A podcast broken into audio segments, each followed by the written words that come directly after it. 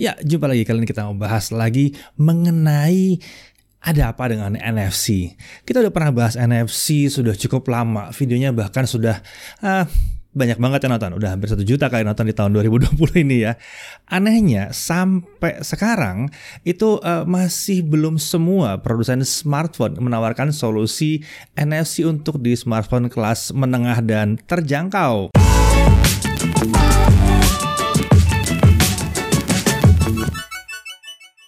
Oke, jadi sebelum kita bahas mengenai um, kenapa NFC ini jarang ditemukan nih sekarang nih ya, nggak, nggak banyak di smartphone yang entry dan menengah, kita bahas sedikit ulang lagi mengenai NFC di tahun 2020 ini. Ya, NFC bagi yang belum tahu ini adalah Near Field Communication. Ini adalah satu metode komunikasi antara dua perangkat teknologi. Bagi kalian yang udah pernah pakai di zaman dulu, ya nggak usah dipamer-pamer. Saya tahu NFC udah lama banget dari tahun 2000-an awal bahkan dia sudah mulai dicanangkan bahwa mau ada NFC. Ya, uh, di awal dulu banget memang banyak uh, smartphone-smartphone yang sudah pakai NFC tapi memang belum kepake NFC-nya pada saat itu. Kenapa? Ya karena emang belum kepake teknologinya, belum menyeluruh teknologinya. Jadi mungkin kecepatan gitu ya teknologinya ya. Nah, itu berbeda sekali dengan sekarang. Sekarang udah banyak, mulai banyak yang pakai. Nah, NFC ini memiliki konsep di mana transfer data terjadi dengan kontak fisik atau kontak yang sangat dekat sekali, ya. Jadi NFC ini uh, transfer data yang dianggap uh, cukup aman karena dalam komunikasi itu ada faktor ketemu. Jadi uh, bukan cuma uh, transfer data nggak lihat-lihatan, WiFi kan nggak lihat-lihatan gitu bisa jauh-jauhan, Bluetooth itu juga bisa jauh-jauhan gitu. Kalau NFC nggak bisa, mesti ketemu bahkan sebaiknya nempel untuk uh, komunikasinya. Makanya dibilang near field deket gitu ya. Di awal hadirnya NFC uh, eh, kita bahkan banyak yang lihat yang promosi bahwa dia bisa transfer kontak telepon gitu ya. Bahkan uh, transfer foto. Iya karena memang NFC sendiri sebenarnya bisa transfer data walaupun kecepatannya memang tidak tinggi. Nah, kecepatan yang kurang tinggi ini sebetulnya membuat NFC sebagai sarana buat transfer data itu justru tidak segitu populernya gitu. Sekarang dia lebih banyak dipakai buat trigger komunikasi yang lain. Misalnya sebuah smartphone ketemu dengan uh, kamera, kemudian dia nge-trigger WiFi untuk uh, transfer data ya. Jadi dia nge-trigger yang lain atau trigger Bluetooth untuk transfer data. Bisa gitu ya. Dan fitur lainnya adalah untuk pengenalan ya saling kenalan gitu ya. Jadi cuma transfer data kecil aja. Datanya mungkin cuma segede file teks doang. Jadi kecil-kecil hanya untuk pengenalan. Oke, saya misalnya uh, eh, NFC ketemu dengan uh, eh, NFC tag misalnya gitu ya. Nah, apa pula NFC tag ini ya? Oke, jadi dasarnya perangkat NFC itu bisa ada dua macam. Ada yang modelnya kayak NFC tag. Uh, ini bentuknya pasif ya. Jadi ini hanya nyimpen data aja. Contoh, imani, flash gitu ya, breezy card, kartu-kartu kartu yang uh, ke, apa uh, uang elektronik ini. Nah, ini biasanya NFC tag. Ada juga NFC tag yang kosongan gitu ya yang hanya buat nandain bahwa kalau NFC tag ini yang diketemukan uh, berarti ini ada di ruang mana, itu bisa juga. Zaman dulu banyak tuh NFC tag kayak begitu, sekarang udah jarang. Nah, kemudian ada perangkat NFC atau NFC devices. Ini saya bisa melakukan uh, proses data atau bahkan bisa terhubung ke internet ya. Biasanya smartphone kalau zaman sekarang NFC-nya ya. Ya bisa juga kamera segala macam bisa. Nah, perangkat NFC ini bisa mendeteksi NFC tag uh, atau membacanya bahkan mungkin bisa ngirim data ke situ ya. Nah, dua perangkat NFC itu bisa saling bertukar data uh, sesuai dengan apa yang dibutuhkan atau diperlukan tentunya. Ya, jadi seperti dibahas bahwa NFC sekarang sudah makin banyak digunakan di perangkat elektronik kamera banyak yang pakai bahkan uh, banyak uh, device-device seperti laptop juga udah mulai ada yang pakai sekarang gitu ya. Tapi sebetulnya penggunaan NFC yang paling banyak saat ini itu adalah uh, interaksi dengan NFC tag atau dengan seperti uang elektronik misalnya. Itu yang paling besar terutama di Indonesia ya. Pengisian uang elektronik uh, dan penggunaannya di loket ya itu menggunakan fitur NFC. Ya jadi kalian ngisi di Indomaret, Alfamart, nambahin apa uh, Imani atau Breezy atau Flash itu. Nah itu pakai NFC, pakai fitur NFC yang ada di kartunya dan di mesinnya tuh ya di edisinya tuh ada NFC-nya juga, jadi bisa saling ngisi gitu ya.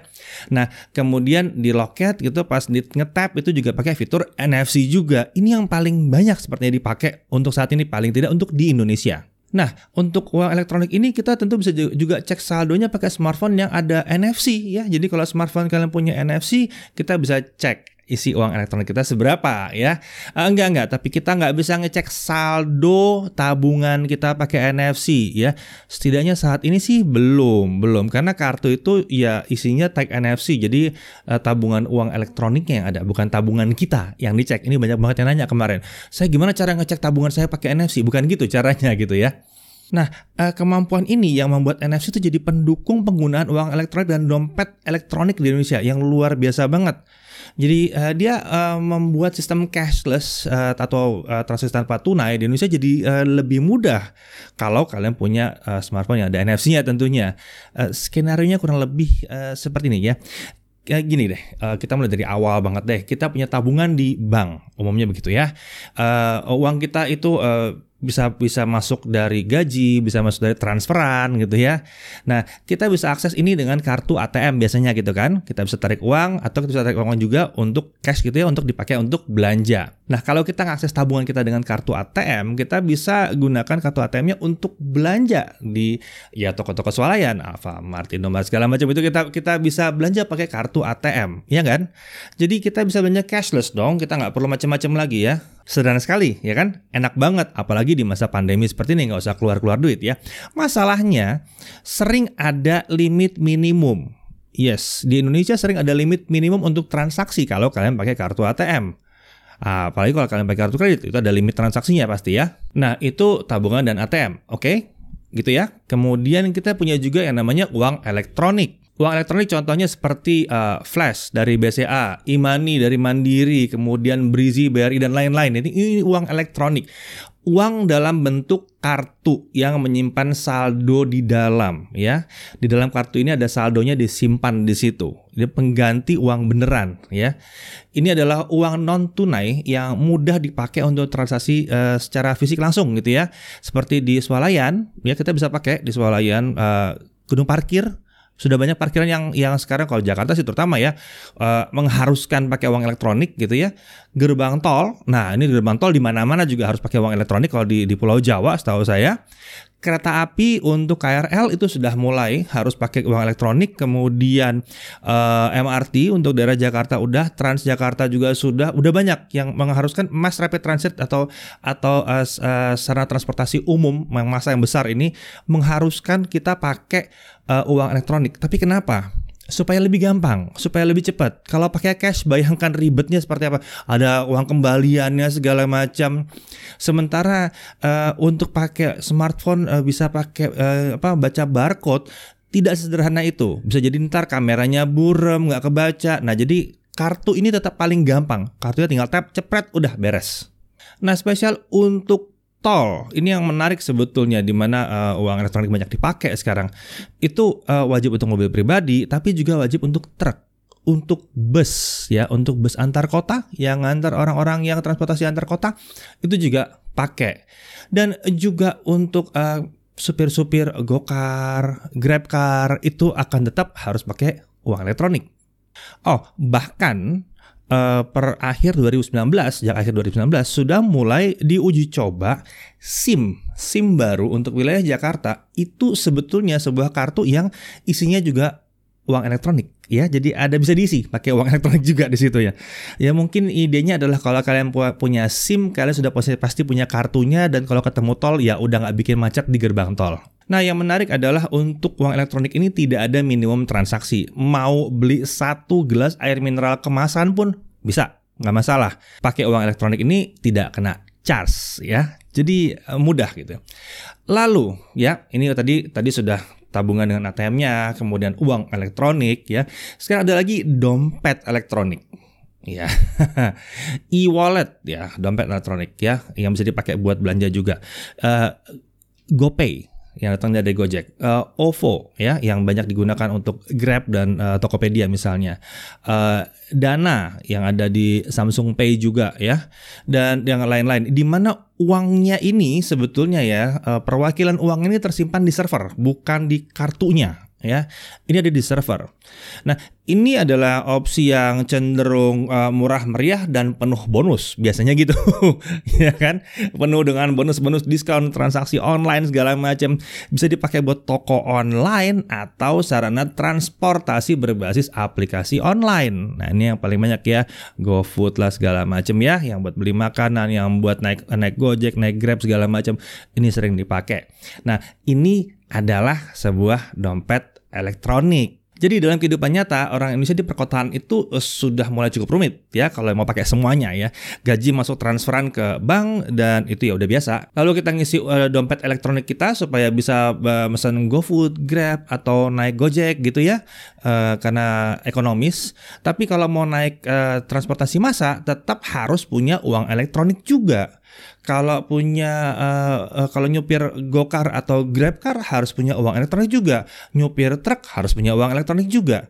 Jadi kayak banyak yang mesti diisi gitu banyak yang yang ribet gitu ya. Lumayan ribet ya jadinya nah yang jadi masalah adalah uh, si uang elektronik ini uang elektronik ini uh, untuk mengisinya yang yang ribet ya di sini kadang-kadang ya kita harus mampir ke ATM atau mampir ke ke toko swalayan untuk ngisi si uang elektronik yang satu ini. Padahal tol, KRL, uh, eh, bis segala macam itu pada pakai uang elektronik. Dan di masa pandemi uang elektronik ini transaksi yang lebih mudah, lebih nyaman dipakai karena bentuknya kan cuma kartu plastik ya kartu plastik kasih ditempel atau kita bahkan nempel sendiri transaksi terjadi nggak ada kembalian-kembalian nggak ada uang yang harus dijemur atau disterilkan nggak ada. Ya cuma kartu itu aja. Kalau kalian mau sterilkan semprot cepet-cepet semprot ya nggak apa-apa gitu. Mau cuci pakai sabun sebentar langsung keringan ya nggak masalah juga. Gampang mensterilisasinya dalam kondisi pandemi seperti saat ini. Jadi lebih nyaman sebetulnya pakai uang elektronik untuk belanja-belanja. Nah, masalah ini semakin ribet. Kalau ya yang sering pakai uang elektronik pasti pernah ngalamin ini ya. Ada yang pernah lagi jalan ke rumah menuju stasiun lupa berapa isi uang elektroniknya. Pernah nggak? Atau pernah lagi sampai di gerbang mau masuk kereta ngetap cepret eh ternyata uang elektroniknya uangnya nggak cukup saldonya nggak cukup ternyata balik lagi ngisi lagi gimana caranya ngisi lagi atau bahkan di gerbang tol udah asik-asik masuk tol begitu mengetap tap nggak cukup. Saya nggak cuma sekali dua kali ngelihat bahwa terjadi kemacetan di gerbang tol cuman gara-gara uang elektroniknya nggak cukup. Itu udah berapa kali saya lihat gitu ya. Nah untuk yang eh, pernah kena masalah ini pasti ngerasa uh, butuh solusi ya. Nah solusi dari NFC di smartphone itu sebetulnya yang paling enak. Kita bisa cek saldo mudah kapan aja di mana aja Uh, bahkan beberapa smartphone contohnya deh contoh contoh misalnya Samsung. Samsung Pay-nya aja itu sekarang sudah dipakai uh, udah punya fitur untuk ngecek saldo ya. Jadi saldo uh, uang elektronik itu built-in di smartphone-nya. Kita bahkan bisa ngisi saldo uang elektronik dengan aplikasi dari bank masing-masing ya beberapa aplikasi bank sudah menyediakan untuk bisa ngisi via NFC sendiri. Atau atau mau lebih gampang lagi bahkan uh, layanan toko online seperti Shopee, Tokopedia, Blibli, Traveloka punya aplikasi-aplikasi yang bisa ngisiin kartu elektronik kita uang elektronik kita ya. Jadi uh, terutama Imani sama Brizi ini gampang banget bisa diisi via aplikasi-aplikasi ini. Jadi nggak usah ke mana-mana selama aplikasi-aplikasi ini ada duitnya ya udah tap cep, bisa pindah bisa masuk dalam kartu dan kita bisa pakai. Jadi benar-benar nggak nyentuh cash ya minimal lah. Pasti ada kita masih butuh cash, pasti masih ada. Tapi lebih minim penggunaan cashnya. Jadi si smartphone ber-NFC di Indonesia ini bisa jadi penghubung antara dompet elektronik kita, bahkan bisa jadi penghubung antara dompet elektronik kita ke uang elektronik kita. Iya. Dari OVO bisa pindah ke Imani. Iya, bisa begitu. Iya, iya, iya, benar. Bisa. Uh, ini sangat nyaman sekali uh, di mana uh, kita tidak perlu terlalu pusing harus ngeluarin cash terlalu banyak gitu ya. Ya ini agak serem sih sebetulnya kalau ngeluarin cash terlalu banyak. Dan uh, untuk beberapa negara yang sudah maju, smartphone NFC ini bahkan bisa dipakai langsung untuk uh, pembayaran biasanya gitu. Jadi tidak tidak lewat kartu lagi. Tapi kalau di Indonesia mungkin nggak pas ya. Uh, di mana-mana mesti ngeluarin handphone gitu ya terus ngetap gitu ya. Agak serem aja ngeluarin handphone terus mau ngetap di uh, KRL mungkin se set terus ada tangan lain langsung set dia nggak gitu ya nggak nggak asik jadi kartu elektronik kartu uang elektronik itu masih tetap lebih masuk di akal Oke, jadi kita udah establish bahwa NFC ini penting. Masalahnya kita balik lagi ke awal yang sangat disayangkan kenapa belum banyak smartphone kelas menengah dan entry yang memilikinya sampai sekarang. Kalau kelas flagship sih udah punya, udah lama punya flagship. Ada brand-brand tertentu yang udah pakai. Uh, Nokia juga dari mid uh, class udah punya gitu ya. Sony udah lama nyediain tapi Sony udah nggak di Indonesia jadi jangan dibahas lagi kan. Sony udah keburu paling nggak di tahun 2020 udah keburu jadi badan BM di Indonesia untuk smartphone-nya. Sayang sekali ya. Nah, kenapa jarang ada smartphone yang pakai sekarang? Kita ngusuk kita tanya ke beberapa produsen smartphone mengenai hal ini. Hal yang menarik jawabannya adalah karena berdasarkan survei, NFC itu tidak dibutuhkan atau tidak terlalu dibutuhkan. Jadi, uh, menurut survei penggunanya yang nggak butuh Ayo kalian uh, yang jadi supir Grab, uh, supir Gokar, uh, supir kendaraan umum atau siapa pun yang pakai KRL, apakah kalian pernah ngisi survei bahwa kalian bilang kalian tidak butuh? Mungkin tidak atau tidak pernah sama sekali ya, yang jelas ya. Nah, iya pertanyaan adalah berapa jumlah orang yang pakai KRL, kereta kereta api listrik gitu ya. Kemudian berapa jumlah bus antar kota yang butuh mengantar uh, mengantarkan penumpang yang butuh ketemu jalan tol berapa jumlah truk setiap hari pengantar bahan pangan yang lewat jalan tol yang akan butuh kartu elektronik untuk diisi. Berapa jumlah dari kalian yang butuh lewat jalan tol yang karena ini kebutuhan ya. Mungkin nggak habis sampai 30 ribu 50 ribu sehari mungkin cuma 7 ribu atau 5 ribu sehari. Tapi ya itu kebutuhan kalian. Dan nggak dapat NFC nggak dapat kemudahan untuk ngecek. Tentunya kita nggak mungkin minta supir segala macam ini untuk beli smartphone flagship kan Nggak mungkin dong. Ya memang mereka bisa aja mampir ke ATM atau ke, ke swalayan, tapi kan buang waktu ya. Apalagi kalau di kota-kota yang uh, ramai atau di jam-jam yang padat ya untuk mencari toko swalayan akan bikin sulit. Saya pernah dapat cerita dari teman saya bahwa mereka uh, jalan dari kisaran Jakarta Utara mau ke Jakarta Pusat dan uh, mereka berpikir wah ini macet harusnya kita naik tol aja lewat tol. Oke mereka pesan Grab atau Gokar waktu itu mereka naik masing-masing semuanya ke dalam. Lalu Gokarnya bilang oke okay, mau lewat tol atau jalan biasa? Jawabannya adalah e, mau lewat tol pak. Terus e, supir bilang maaf tapi saya nggak punya kartu e-tol. E-tol saya habis isinya. Tiga orang teman saya itu semua pegang kartu e-tol dan semuanya tidak sadar, tidak tahu berapa isi kartu e-tol mereka karena handphone mereka semuanya tidak punya NFC. Jadi di dalam mobil itu mereka terpaksa bilang ambil keputusan, oke okay, pak kita nggak usah lewat tol aja kita lewat jalan biasa dan berakhir mereka menghabiskan waktu beberapa jam untuk mencapai Jakarta Pusat dari Jakarta Utara. Sebuah cerita yang cukup ironis bilang ya. Seandainya salah satu dari mereka punya smartphone yang punya NFC, seandainya supirnya bisa membeli smartphone yang punya NFC dengan harga cukup terjangkau, mereka semua bisa cek sebetulnya berapa saldo mereka dan bahkan mereka bisa ngisi di tempat jadi nggak perlu lewat jalan biasa dan bermacet-macetan lama-lama. Ya nggak? Oke kembali ke smartphone-nya. Sekarang kita lihat ada uh, Samsung dan Xiaomi udah menawarkan di kelas menengah seri A sudah mulai ada uh, Xiaomi Redmi Note yang seri Pro-nya sudah pakai NFC ya. Tapi pertanyaannya ke mana Oppo ke mana Vivo ini gede-gede nih ya uh, ke mana Realme iya itu dari entry ke kelas menengah tuh nggak ada NFC-nya ke mana? Bahkan Samsung dan Xiaomi kelas entry levelnya mana NFC-nya? NFC itu tidak menghabiskan waktu satu juta untuk masukin ke dalam si smartphone. Enggak enggak, saya cukup yakin tidak segitu nilainya. Tidak akan menambah nilai segitu besarnya memang. Ya, semoga ke depannya uh, para produsen mulai berpikir uh, untuk kebutuhan banyak orang yang uh, membutuhkan smartphone yang lebih terjangkau, terutama buat di Indonesia, ya region Indonesia ini uh, mereka harusnya butuh di bawah 3 jutaan, ya bukan di atas 3 jutaan doang ya. Semoga ke depannya survei para produsen di Indonesia akan bisa menghasilkan kesimpulan yang berbeda dengan kemarin-kemarin. Jadi uh, ya smartphone-smartphone yang lain, brand-brand lain juga bisa menyediakan NFC yang lebih terjangkau dalam smartphone lebih terjangkau maksudnya. Semoga mereka menemukan bahwa banyak golongan masyarakat Indonesia yang butuh fitur yang satu ini. Sementara itu apa yang bisa kita lakukan? Uh, sederhana, kita bisa bantu via media sosial. Ya, kita sudah paham kan pentingnya NFC, sudah tahu bahwa banyak kalangan masyarakat Indonesia yang membutuhkannya. Jadi, jangan kita sebagai pengguna eh, media sosial terlalu sering mengatakan bahwa NFC itu nggak butuh lah, nggak perlu lah gitu. Hanya kalau kalian secara pribadi nggak butuh ya. Jangan membuat perusahaan mengira bahwa banyak yang tidak butuh NFC hanya karena kalian secara pribadi tidak butuh. Jangan buat perusahaan salah baca laporan uh, atau rekap dari media sosial. Mereka bisa loh bikin rekap sosial media terus bilang, "Wah, ini NFC banyak yang bilang nggak perlu, nggak perlu, nggak perlu, nggak perlu, nggak perlu." Padahal yang ngomong nggak perlu ini yang tidak butuh memang, tapi sayangnya yang butuh malah nggak ngomong. Lebih ironisnya lagi, kemungkinan besar belum tahu bahwa butuh pada saat sekali pakai wah ini butuh nih gitu ini sama kayak pembahasan SSD kemarin ya sebetulnya yang belum pernah pakai SSD pada track-track bilang nggak butuh setelah banyak yang pakai SSD pada sadar bahwa ini penting sekali jadi sebelum kalian bersemangat sekali mau menyanggah kebutuhan mengenai NFC ya ingat kebutuhan para supir truk bus gokar grab yang semua mengandalkan transportasi massa yang mengharuskan penggunaan uang elektronik pada saat mereka lewat jalan tol. Oke? Okay? Oke? Okay? Ya, mereka membutuhkan itu sadar atau tidak sadar, ya keberadaan NFC akan memudahkan mereka dan pada akhirnya kita juga.